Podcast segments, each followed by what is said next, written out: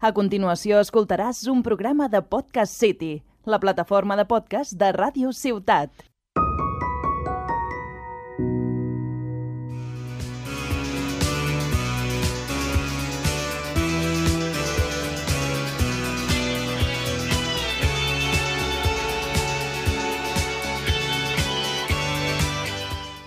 Benvinguts a un nou episodi del podcast Parlem del Nàstic. Avui parlaré sobre el partit davant la, la Real Balompié Calinense i faré la prèvia davant l'Albacete Balompié. El Nàstic de Tarragona guanya de manera clara i contundent a la Balona en un partit en què el conjunt grana va presentar efectivitat i va lluitar. El pròxim partit és davant l'Albacete Balompié, un equip amb una, amb una dinàmica regular que té com objectiu l'ascens de la segona categoria del futbol espanyol. Pel que fa al partit davant la Real Balompié Calinense, victòria per 5 a 1, un partit amb 6 gols, 5 per conjunt grana pel Nàstic i una per la Balona. Partit controlat en tot moment. I gràcies a aquesta victòria 5 a 1, un hat-trick de, de Dani Romera, 3 gols, s'han portat la piloteta cap a casa. De, Dani Romera per mi és el millor que ja, ja, ja ho he dit en anteriors programes, per mi és el millor davanter que tenim no, que ha tingut aquesta temporada, el Nàstic, i només porta des de l'hivern aquí, per tant està donant per un rendiment molt bo, Dani Romera. No excel·lent, però si no molt bo. Un primer gol de Pedro del Campo amb el Nàstic, que va ser el primer gol també del partit, dels molts que van haver-hi, que va ser bueno, un bon gol, desborde per la banda, de Robert Simón, que la passa cap endarrere, i endarrere justament ha Pedro del Campo, que la xuta, i el porter del Linense, Nacho Miras, no pot fer res.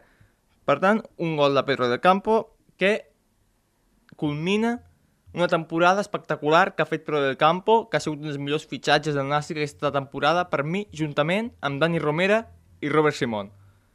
El quart gol del, el cinquè, perdó, del, el cinquè gol del Nàstic el fa Pado Fernández, un davanter qüestionat, va marcar, a veure si amb aquest gol que ja porta quatre gols, diria, li pujan una mica els ànims i la moral, perquè ha sigut un entrenador, ai, un entrenador, ha sigut i és un jugador qüestionat, i ha marcat més gols que l'any passat al Cornellà, perquè hem repetit diverses funcions que l'any passat al Cornellà no, actu no actuava com a davant de centre, sinó actuava més com a mitja punta, segona punta, sinó d'enganxe, que ajudés, diguéssim, el davanter centre a marcar gols, i ha marcat més gols respecte al Cornellà, però la seva aportació ofensiva, el Nàstic, els aficionats, encara la veiem una mica ina ineficient, escasa, no nula, perquè ha marcat 4 gols, vull dir, una la més, però tampoc és molt bona ni bona.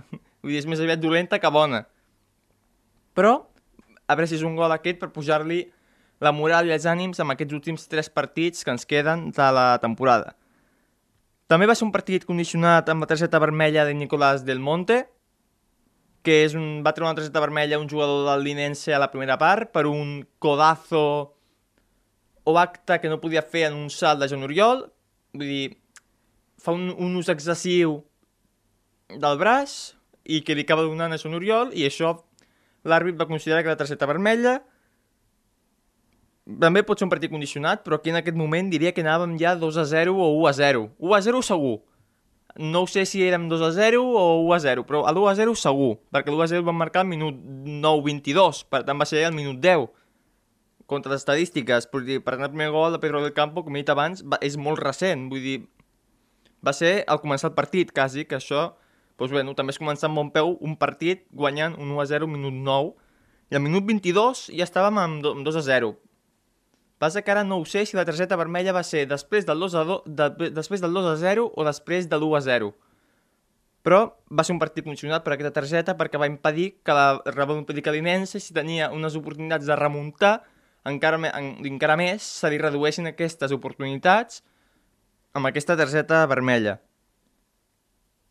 Sí que és cert que la segona meitat la, el Linense amb un jugador menys, el Nàstic o amb un jugador més, com ho vulguis entendre, i el resultat de 2 a 0, diria, de 3 a 0, de 2 a 0, vam sortir malament els primers 20 minuts de la segona meitat, perquè la el Linense ens va marcar un gol en aquells 20 minuts, i van, i van quasi marcar un altre que, va, que significaria el 2 a 2 que la va salvar Manu García del, amb el peu per tant aquells 20 primers minuts de la segona meitat no ens van agradar i si allò estic segur que si ho fem un altre partit com és el següent, el Bacete, allà sí segur que ens hi caben dos. Per tant, són aquests errors de desconcentració que tenim, perquè semblem que tenim el partit guanyat amb un jugador menys, amb, amb, amb un jugador més nosaltres, anem guanyant 2 a 0, és el Linense, està baix, hem fet una bona primera part... Són, són aquests moments que tenen Nàstic en aquesta temporada, de, de, de, diguéssim, de, del cap que li desconcentren i li marca el, el 2 a 1, que arriba a marcar aquell, aquella jugada, aquell 2 a 2, i estic segur que aquell partit no el guanyem, perquè la moral del Nàstic hagués baixat d'una manera però per sort Manu García va tindre el bon partit i la va treure de peu, amb el peu. Un hat-trick d'assistències de Robert Simon, que Robert Simon ha tingut un últim més complicat, com ell ha admitit avui en una roda de premsa que li han fet abans del partit, admitir que ha tingut un més complicat, però cada vegada s'ha d'estar veient aquell Robert Simon d'inici de temporada que desbordava, que buscava l'assistència, que buscava el gol. El gol no el va tindre, el va quasi tindre, perquè va fallar de primera per una ocasió bastant clara, tot s'ha de dir que la clara gol Robert Simon no està encertat, però amb assistències i profunditat està sent dels millors de l'equip. Va donar 3 assistències i diria que és el màxim assistent del Nàstic aquesta temporada. Per tant, com he dit abans, juntament amb Pedro del Campo i Dani Romera està sent un dels millors fitxatges del Nàstic aquesta temporada. Tot i que hagi tingut aquest últim mes complicadet, per mi està sent un dels millors. Va jugar pel Domingo titular i com sempre diem, les estadístiques mai fallen. Pol Domingo és titular, victòria assegurada. Pablo Barran juga, molt poques probabilitats de victòria. Per tant, un altre cop demostra el que estàvem dient. Pol Domingo ha de ser titular amb aquest equip. A no sé que estigui sancionat o que tingui una lesió, Pol Domingo ha de jugar titular per damunt del Barran. Encara no entenc com el Barran pot jugar per Sabadell, com els que anava jugant si no té ningú tipus de sentit que jugui el Barran per davant de Pol Domingo. Vull dir, Pol Domingo, quan està al Nàstic, guanya. Vull dir, no va ser el seu millor partit que ha fet el Nàstic, però va ser un partit que diu, aquesta temporada l'he fet bé, va ser un partit correcte, bo. No li pots demanar ofensivitat a Pol Domingo perquè és un central reconvertit en lateral. Pol Domingo te fa molt bé les tasques defensives. En canvi, el Barran, que en teoria és el contrari, te fa millor les tasques ofensives, aquest any porta Mm, mm, poques assistències, una amb el Castelló i poco més.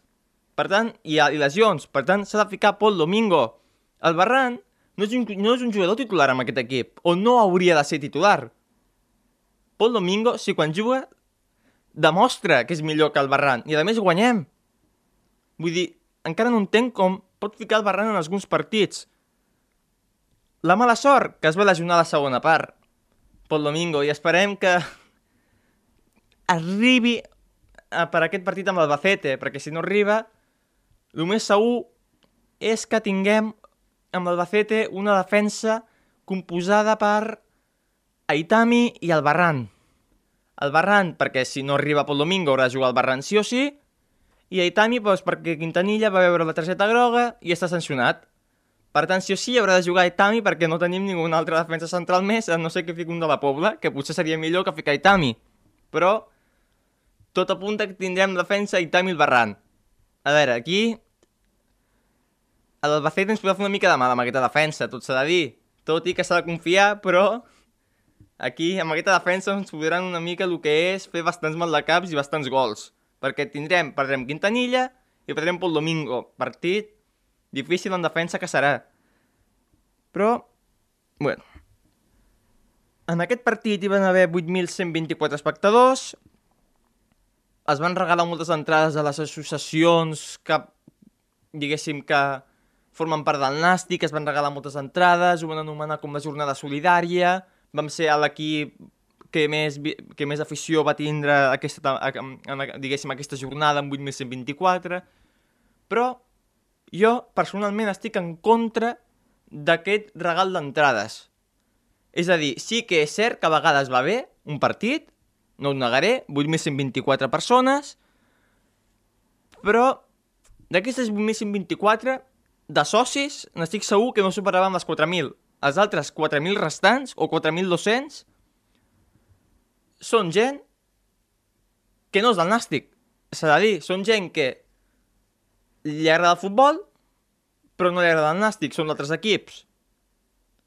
Per tant, aquí estem una mica en una mica aquí de dir o només posem els que estaven del Nàstic i som 3.000 cada partit o 4.000 com a màxim o 5.000 podríem arribar-hi o ser 8.000 o 10.000 amb només amb 3.000 amb 3.000 del Nàstic i amb els altres 4.000 o 5.000 que siguin d'altres equips, tot i que és el futbol, i siguin d'aquí Tarragona. És a dir, un partit va bé, un, un mes ja no. Perquè això ja seria ja massa abusar, perquè ara en teoria a Sevilla Atlético, a cada soci, li, li donen dues entrades de franc.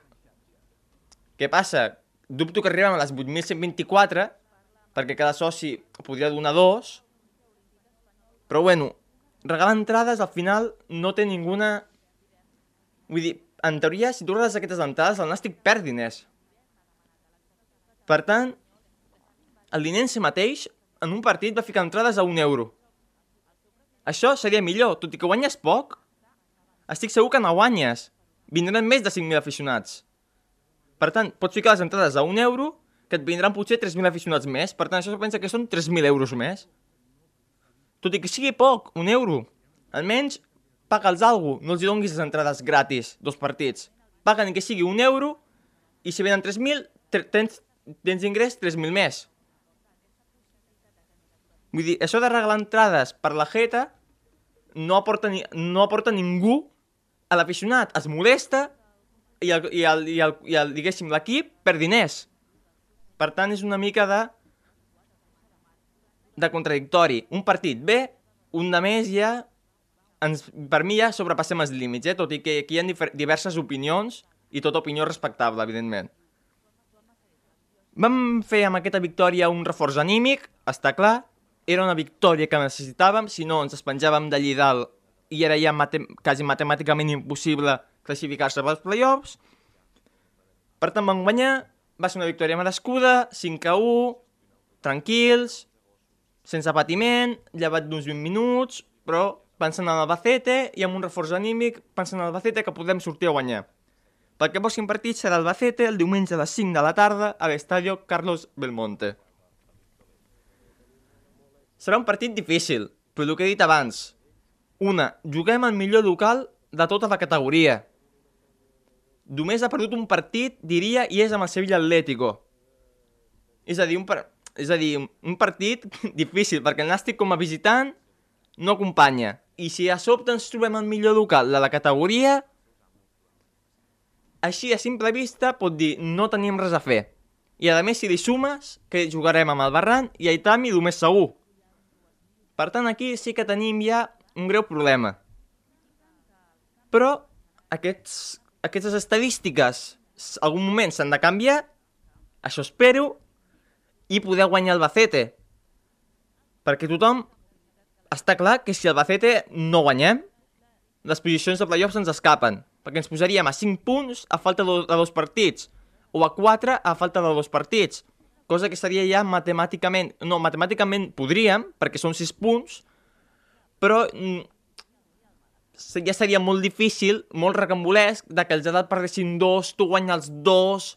Seria ja massa difícil. Si ara ja és difícil, perquè no depenem de nosaltres mateixos, Ara estem per dos punts a baix del playoff. Encara serà més difícil si no guanyem el Bacete. Perquè si no guanyem el Bacete, ja sí que sí, les possibilitats ja se'ns ja se escaparan. Vull dir, és impossible, matemàticament serà possible, però anímicament i mentalment i com tu li vulguis dir, si no guanyem el Bacete ja serà impossible classificar-se dins els playoffs. Tot i que guanyis els dos partits que quedin, els altres no es perdran. Així segur que els tres que tenim per davant no, no, no, vull dir, no es perdrà. Vull dir, no hem d'esperar que els altres fagin per nosaltres fer. Hem de guanyar, guanyar i guanyar. Només queda anar a guanyar el Bacete. Un empat és una derrota. Un punt amb aquestes altures no et serveix de res. Un empat és una derrota. I una derrota és, és, és, una, és una derrota també. Vull dir, no... Per tant, serà un partit difícil, dur, tot i que per dur també és, és els moments que arriba l'Albacete. L'Albacete té una plantilla confeccionada per tornar a la segona divisió, de la que va baixar l'any passat, però s'ha trobat que aquest any l'Andorra està a un nivell espectacular i ell està segon i venen de perdre juntament amb l'Andorra 3 a 1 allí a Andorra. Per tant, vindran el que és tocats. Per tant, abans d'Andorra van empatar al camp de l'Alcoyano. I ara venen a perdre. Vull dir, en aquests dos últims partits, de 6 punts possibles, n'ha tret un. Vull dir, venen també, podem dir malament. Venim nosaltres en aquests últims dos partits millor nosaltres que ells. Per tant, això també els hi pot una mica afectar moralment, dir, bueno, ara ja no depenem de nosaltres mateixos per ser primers i tenim, assumim que som, dir, jo crec que ara estan assumint de dir, bueno, ara intentem mantenir aquesta segona plaça i si l'Andorra perd algun i empat algun i nosaltres podem guanyar i d'allò, doncs ja pujarem primers. Però ja, jo crec que d'aquesta derrota és molt difícil ja quedar primer, a l'Albacete que quedi primer amb aquesta derrota a Andorra. Per tant, esperem un Albacete tocat, però no enfonsat. Vull dir, amb això sí, tocat, però no enfonsat. Torno a repetir, Albacete ens anirà... Vull dir, que sapiguem que l'Albacete en el partit tindrà la pilota, tindrà les ocasions i tindrà les jugades, el més segur, perquè el Nàstic dubto que sigui capaç, amb el que hem vist el Nàstic fora a casa, que es pot canviar, eh? Perquè encara no, no, no he vist el partit, evidentment, perquè encara no ha passat el partit. Pot canviar, eh, el que estic dient, però si estem veient el Nàstic de totes les jornades a fora, segur que l'Albacete tindrà les jugades, la posició, el toc, la pilota, l'afició estarà més enganxada que la nostra, perquè evidentment juguem al, al Carlos Belmonte, per tant, és un partit en el qual per l'aficionat del Nàstic que estigui a casa serà de patiment, segur. Segur que serà de patiment i tindrem infarts. Seguríssim. A més, perquè serà aquest partit de dir, bueno, ara, estem a, ara sí que sí lluitem pel playoff, ara sí que sí, un altre cop a temporada, a primera ref, i a planificar la temporada següent. Per tant, aquí ens trobem una mica amb aquesta... Vull dir, que patirem, que en aquest partit serà un partit dur, on l'aficionat patirà, on agafarem microinfarts, perquè el Nàstic fora a casa, entre que no juga res i entre que, com he dit abans, juguem al camp del millor local, costarà molt guanyar. Per tant, toca guanyar per intentar somiar en aquest ascens, que sembla complicat, perquè no depenem de nosaltres mateixos, aquesta és la realitat, depenem del Linares, del Geciras, d'Atlètic Balears i, la, el, i, el, i Sabadell ja, ja no el conto Sabadell perquè el Sabadell té pinta que acabarà la temporada quart o cinquè en playoff perquè en Pedro Munitis han fet un canvi espectacular cosa que nosaltres no hem sabut fer ningú canvi amb Raúl Dacné com a com diguéssim com a entrenador per tant s'han de millorar si volem guanyar aspectes només sortir a especular, només sortir a buscar el 0-0 i ens farem una contra minut 70, 80, 30, 40, que ens marquem, que marquem gol. Perquè aquesta efectivitat a fora a casa no la tens. A casa, aquesta efectivitat l'has mantingut una mica d'aquella manera, però l'has mantingut. Però és que a fora no tenim efectivitat. I és veure, per exemple, a Sabadell, que l'efectivitat no la tenim, i quan la tenim no xutem. Per tant, si esperem a, a, a la defensiva i de buscar la contra, el més segur és que no marquem. Hem de sortir des del minut 1, diguéssim, a diguéssim, anar cap allí, cap a l'àrea, cap, a, cap a l'àrea de Bernabé Barragán, un exporter del Nàstic i xutar-lo, xutar-lo, xutar-lo, xutar-lo, centre, centre, xutar-lo, centre, xutar-lo, sense parar. Intentar que el joc el tinguem nosaltres, no l'Albacete, perquè si, si, si deixem jugar l'Albacete, estic segur que ens la farà. Estic segur que l'Albacete, si li deixem tocar amb la pilota, ens la farà. Hem d'intentar anar a les jugades al límit. Si hem de fer alguna falta, fem alguna falta. Al mig del camp alguna contra o alguna Fem-la, sense por. Mira, és un partit on ens juguem més nosaltres que ells. Per tant, nosaltres hem d'anar a sortir sense por, com si anéssim... Sense por, com si... Sense por, vull dir, allí tranquils hem d'anar, sense especular. Per tant, hem de fer un plantejament adequat sense tindre por al rival. És a dir, que el rival sigui igual, igual que nosaltres. Sense por. Vull dir, no vull veure ningú plantejament defensiu. Vull veure com a partit del Linense, cap a dalt. Línies cap a dalt. L'alineació, per mi, seria Manu García, Joan Oriol, Tirillas, no queda un altre que ficar Itami al barranc, com he dit abans, intentarem defensar amb aquests jugadors que tenim. Trilles, hauràs de fer tota la defensa. En def... Joan Oriol i Trilles haurà de fer totes les labors en defenses. Al mig del camp ficaria a Pedro del Campo, Ribelles perquè ajudi a la defensa, perquè amb, Tam, amb Aitami potser les tenim... Amb Aitami i el Barran ho tindrem coix, potser, Per tant, Ribelles ha d'estar allí ajudant a, a defensar. Ficaria Robert Simón, sempre va bé tindre Robert Simón a l'equip. Ficaria després, Anil Jiménez el podria ficar, però ja com ha jugat titular amb el, el Gne no és... No, no, no el fica dos vegades... No l'ha ficat poques vegades titular dues vegades, Anil Jiménez. Per tant, jo crec que pot optar per un Bonilla, per un Yannick Buila, tot i que no porta jugant Yannick Buila, quasi, vull dir, ja no porta jugant, quasi. Però, bueno, em, donaré, em ficaria, em donaria bastant igual a qui fiqués en aquest carril a l'esquerra, diguéssim.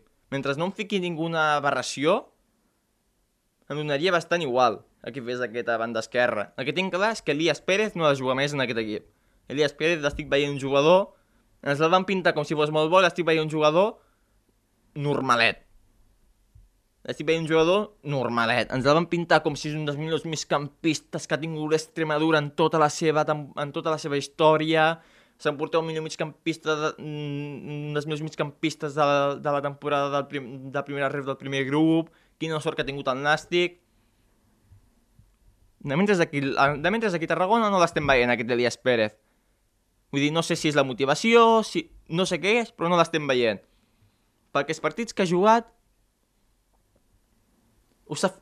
Per això fico el de la poda a Marc Montalvo, sincerament. Però és que no l'estem veient. Elias Pérez, per mi, actualment, és un jugador que és que no és ni, ni reserva en aquest equip. Vull dir, s'està una mica el que és adormint. Vull dir, no, no sap entendre les jugades, no, no estem veient aquell Elias Pérez de l'Extremadura. Bo. I a dalt ho tinc clar, fico a Dani Romera i fico a Pablo Fernández. Dono una oportunitat a Pablo Fernández, són moltes les que l'he donat aquesta temporada. Edgar Hernández va jugar contra el Linense, dubto que ara torni a jugar titular la mateixa dupla, tot i que potser sí que va jugar titular perquè li va funcionar. Edgar Hernández no va fer un mal partit, no va marcar, però no, no va fer un mal partit. Per tant, pot ser que tinguem un altre cop aquesta dupla Dani Romero i Edgar Hernández, però jo crec que no apostarà per la mateixa i ficarà Pablo Fernández perquè va marcar el gol últim contra Linense. Per tant, jo crec que ficarà més aviat a Pablo Fernández i Dani Romera. Si treu a Dani Romera ja oblidem-nos. Però aquest seria el meu 11 titular per anar... Aquests serien els meus 11 guerrers per anar a Terres Manxegues, per anar al Albacete, guanyar l'Albacete, intentar entrar a aquest playoff ansiós que tenim, tot i que no depenem de tots mateixos, podem entrar i sí o sí hem de sortir a guanyar. Guanyar i guanyar. I fins aquí el, el programa d'avui del podcast, Parlem del Nàstic. Gràcies per escoltar-nos un dia més aquí al podcast Parlem del Nàstic.